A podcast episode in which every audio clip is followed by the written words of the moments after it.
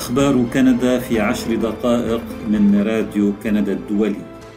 معكم فادي الهاروني وأهلا بكم في حلقة البودكاست الأسبوعية وإليكم العناوين. البابا فرانسيس يعتذر من سكان كندا الأصليين. ترودو يريد لروسيا أن تطرد من مجموعة العشرين. وكندا تستهدف تخفيض الغازات الدفيئة بواحد وثلاثين بالمئة في قطاع النفط والغاز. التفاصيل من راديو كندا الدولي. قدم البابا فرانسيس اعتذاره لسكان كندا الأصليين عن سوء المعاملة التي تعرضوا لها من قبل أعضاء في الكنيسة الكاثوليكية. وحصل ذلك اليوم خلال لقاء في الفاتيكان بينه وبين وفود تمثلهم. أريد أن أقول لكم من كل قلبي إني أشعر بالألم حقا قال البابا فرانسيس لأعضاء وفود السكان الأصليين.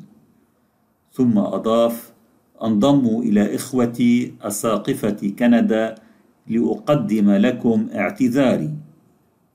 وكان أساقفة كندا الكاثوليك قد قدموا اعتذارا علنيا للسكان الأصليين في أيلول سبتمبر الفائت.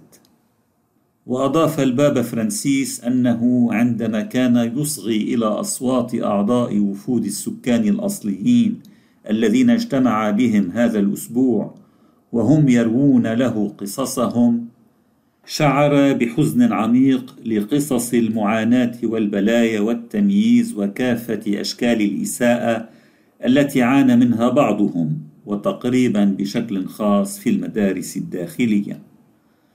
كل هذا جعلني أشعر بقوة بأمرين بالغضب والعار كرر رئيس الكنيسة الكاثوليكية. وأضاف البابا فرانسيس في كلمته أنه تأثر كثيرا بالحكمة التقليدية التي سمعها خلال الاجتماعات الثلاثة المنفصلة هذا الأسبوع مع وفود الخلاسيين والإنويت والأمم الأول على التوالي والتي تمحورت حول مأساة المدارس الداخلية للسكان الأصليين في كندا. صورة جميلة كانت تعود باستمرار، لقد شبهتم أنفسكم بأغصان شجرة، مثل تلك الفروع التي قمتم بمدها في اتجاهات مختلفة مررتم بأزمنة وفصول مختلفة وهزتكم رياح عاتية. ومع ذلك بقيتم راسخين بقوة في جذوركم التي حافظتم على قوتها قال البابا لأعضاء الوفود الثلاثة. وتابع قائلا إن هذه الشجرة الغنية بالثمار شهدت مأساة. وصفها السكان الأصليون في الأيام الأخيرة بمأساة الاقتلاع.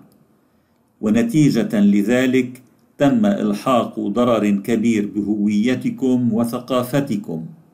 تم فصل العديد من الأسر. وقع المجتمع المحلي وعدد كبير من الأطفال ضحية هذه المحاولات الهادفة لفرض تجانس يستند إلى فكرة مفادها أن التقدم يأتي من خلال الاستعمار الأيديولوجي قال البابا فرانسيس. كما أكد رئيس الكنيسة الكاثوليكية أنه سيأتي إلى كندا لكن دون أن يحدد متى بالضبط إلا أنه ألمح إلى الفترة المحيطة بعيد سانت آن الموافق في السادس والعشرين من تموز يوليو. وهذا عيد هام للأمم الأول لا سيما بالنسبة لشعب الإنو الذي يجتمع أفراده في هذه المناسبة في مدينة سانتان دو بوبري قرب كيبيك العاصمة. أنت تستمع إلى البودكاست الأسبوعي من راديو كندا الدولي. قال رئيس الحكومة الفيدرالية جوستن ترودو إن كندا تريد أن تطرد روسيا من مجموعة العشرين على خلفية غزوها العسكري لأوكرانيا. وتتكون المجموعة من أكثر الاقتصادات تطورا في العالم. ليس من المنطقي إجراء مناقشة حول النمو الاقتصادي العالمي في الوقت الذي تجلس فيه الدولة المسؤولة عن جزء كبير من الاضطرابات حول الطاولة وتتظاهر بالمساهمة قال ترودو وبرأي ترودو يجب على الدول الأعضاء في مجموعة العشرين أن تجري مناقشة حول طرد روسيا إما بشكل دائم أو بالحد الأدنى في الاجتماع المقبل.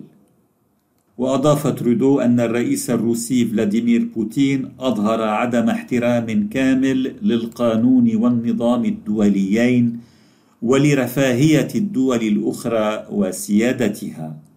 وكان الرئيس الأمريكي جو بايدن قد دعا لخطوة مماثلة بحق روسيا الأسبوع الماضي من بروكسل بعد سلسلة اجتماعات طارئة لحلف الناتو تمحورت حول موضوع الغزو الروسي لأوكرانيا.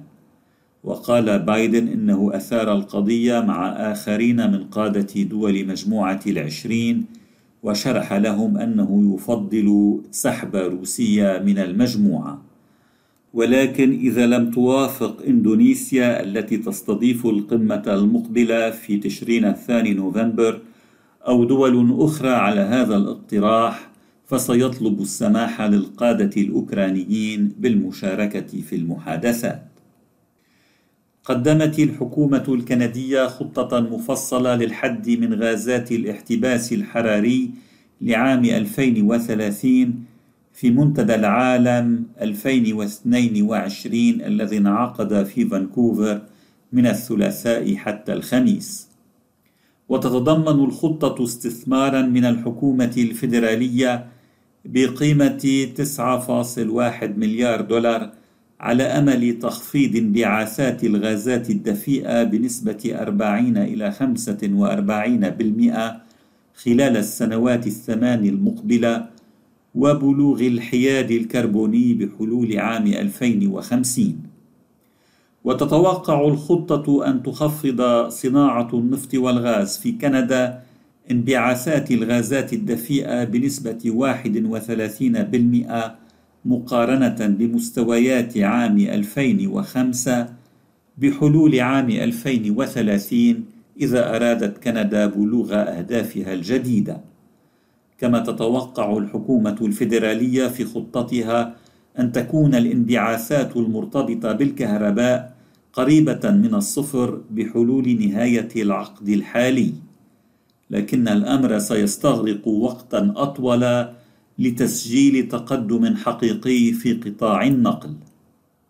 وتتضمن الخطة تدابير تستهدف الاقتصاد بكليته من بينها تسعير الكربون وأنواع الوقود النظيف بالإضافة إلى تدابير مستهدفة لكل قطاع كالمباني والمركبات والصناعة والزراعة. وتعد الخطة التزاما قانونيا بموجب قانون المساءلة في مجال الحياد الكربوني الذي أقرته حكومة ترودو الليبرالية العام الماضي. وكان من المقرر تقديم الخطة أواخر كانون الأول ديسمبر الفائت لكن وزير البيئة ستيفن جيلبو استخدم بندا يسمح له بطلب إرجاء مدته ثلاثة أشهر. في أونتاريو ارتفعت ابتداء من الثلاثين من آذار مارس الضريبة المفروضة على المستثمرين الأجانب الذين يشترون عقارات في المقاطعة من 15% إلى 20% وبالإضافة إلى ذلك ستفرض هذه الضريبة على المشترين الأجانب في كل أونتاريو فلا تقتصر كما في السابق. على المنطقة المعروفة بحدوة الحصان الذهبية الكبرى Greater Golden Horse Shoe التي تضم منطقة تورونتو الكبرى وعدة مدن مجاورة ويقيم فيها نحو ثلثي سكان المقاطعة. وقالت حكومة الحزب التقدمي المحافظ في أونتاريو برئاسة دوغ فورد إن هذا التعديل على القانون يندرج في إطار خطة عملها حول الإسكان.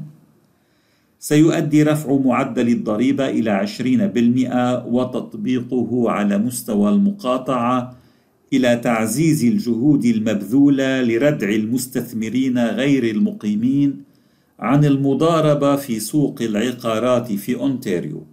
وسييسر لسكان المقاطعة تملك العقارات. أضاف البيان.